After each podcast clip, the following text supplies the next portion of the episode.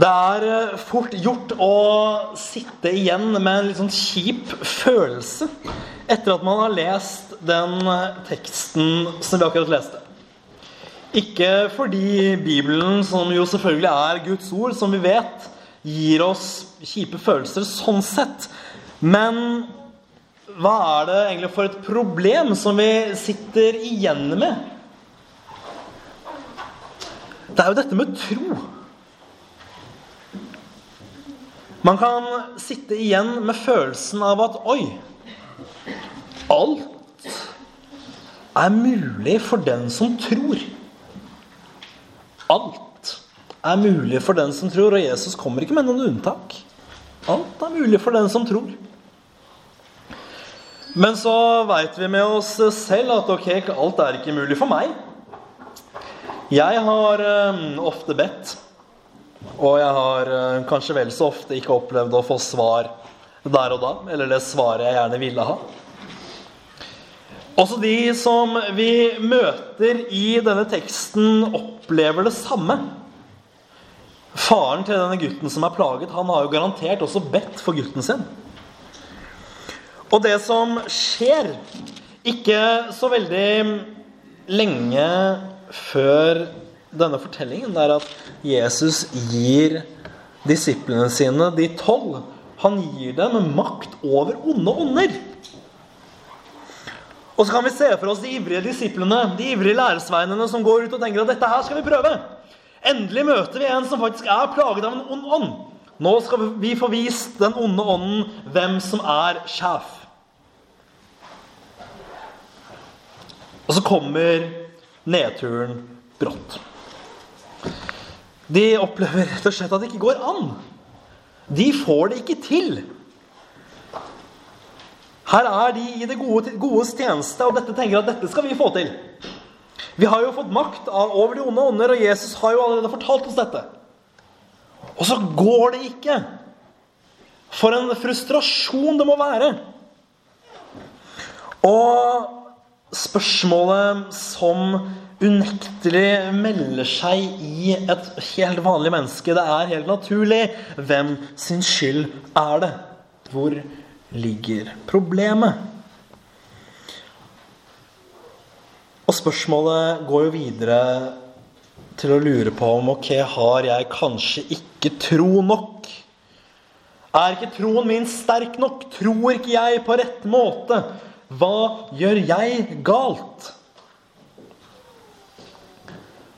Og jeg tror at det avslører noe av vår, eh, altså vårt, vårt problem.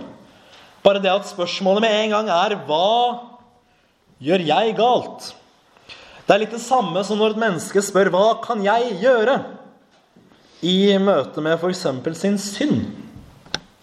Og så må vi vite at det er ingenting vi kan gjøre fordi Jesus Kristus har allerede gjort alt.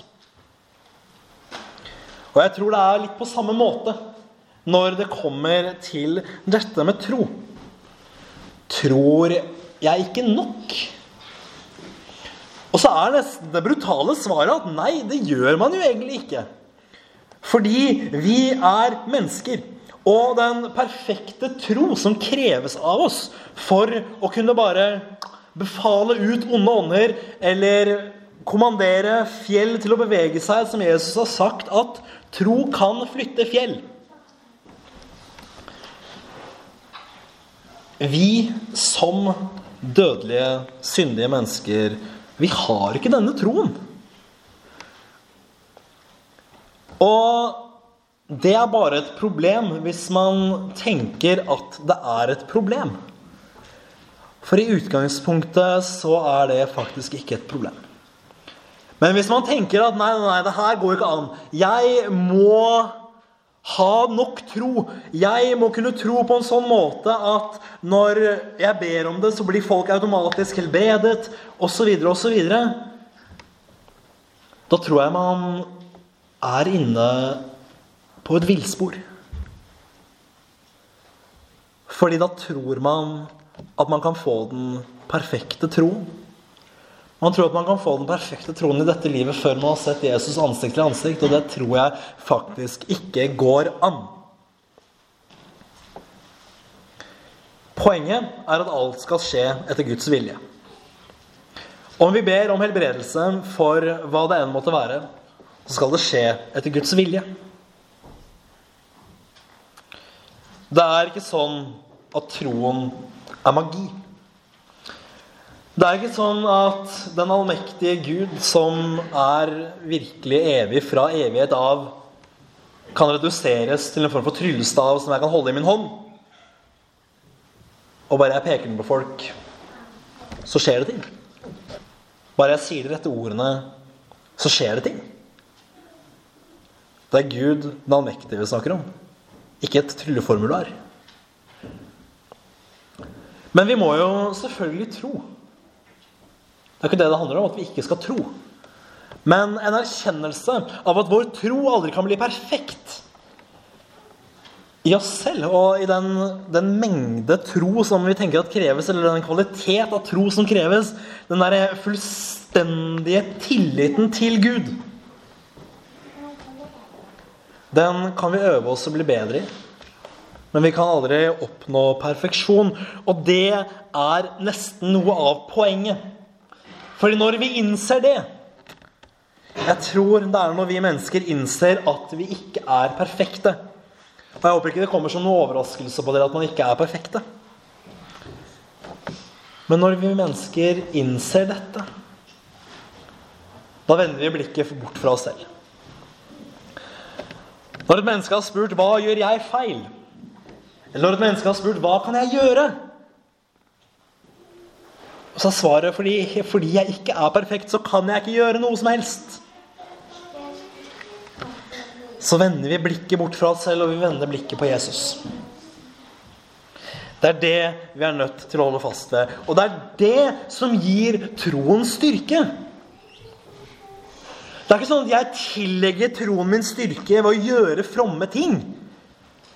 Det er ikke sånn at jeg får plusspoeng i troen for å be Fader vår hver dag eller andre sånne ting, eller gå til gudstjeneste som selvfølgelig er gode og viktige ting. Gjør veldig gjerne det. Gå på gudstjeneste og be. Men det er ikke sånn at det tillegger troen kraft på den måten. Det som troens kraft er avhengig av, er hvem troen er rettet på.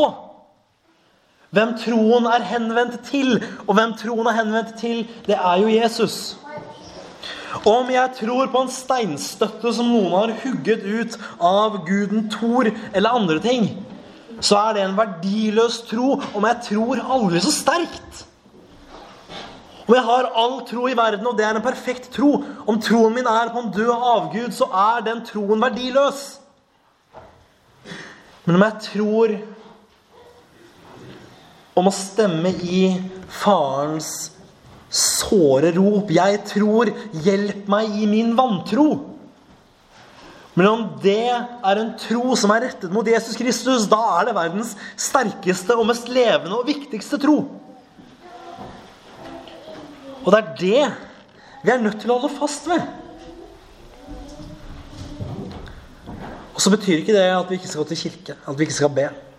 For det er ting som uh, virkelig kan gjøre at troen vokser i oss. Og på en måte blir sterkere. Nå snakker jeg om forskjellige typer styrke her.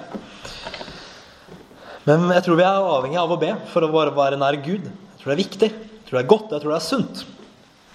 Men vi er faktisk nødt til å holde fast ved dette som jeg nettopp sa. At om jeg tror aldri så sterkt bare på en død ting, så er det verdiløst. Men om min tro er på Jesus Kristus, som er den korsfestede og oppstandende Herre og Frelser. Som er Guds egen sønn, som ga sitt liv for å frelse verden. Som ga sitt liv for å frelse deg. Er det en tro av en uendelig verdi. Og så kan vi holde fast ved dette at Jesus i sannhet er den sterkeste. At Jesus i sannhet er den aller mektigste at det er han som har all makt. Og det tror jeg også er viktig å holde fast ved i møte med denne onde åndsvirkeligheten som teksten forteller om.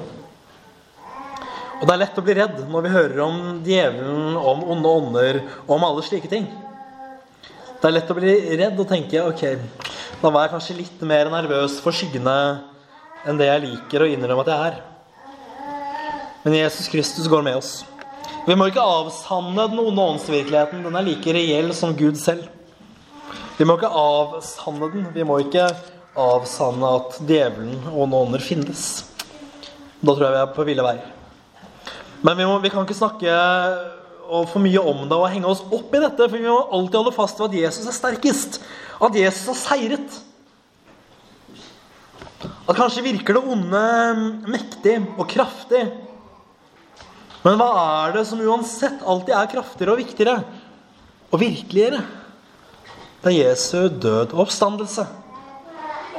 Vi må holde fast ved Jesu død og oppstandelse, for der der vises det, og der ser vi at Jesus i sannhet er den mektigste, og at han har seiret en gang for alle. Ære være Faderen og Sønnen og Den hellige ånd, som bare blir en sann Gud fra evighet og til evighet. Amen.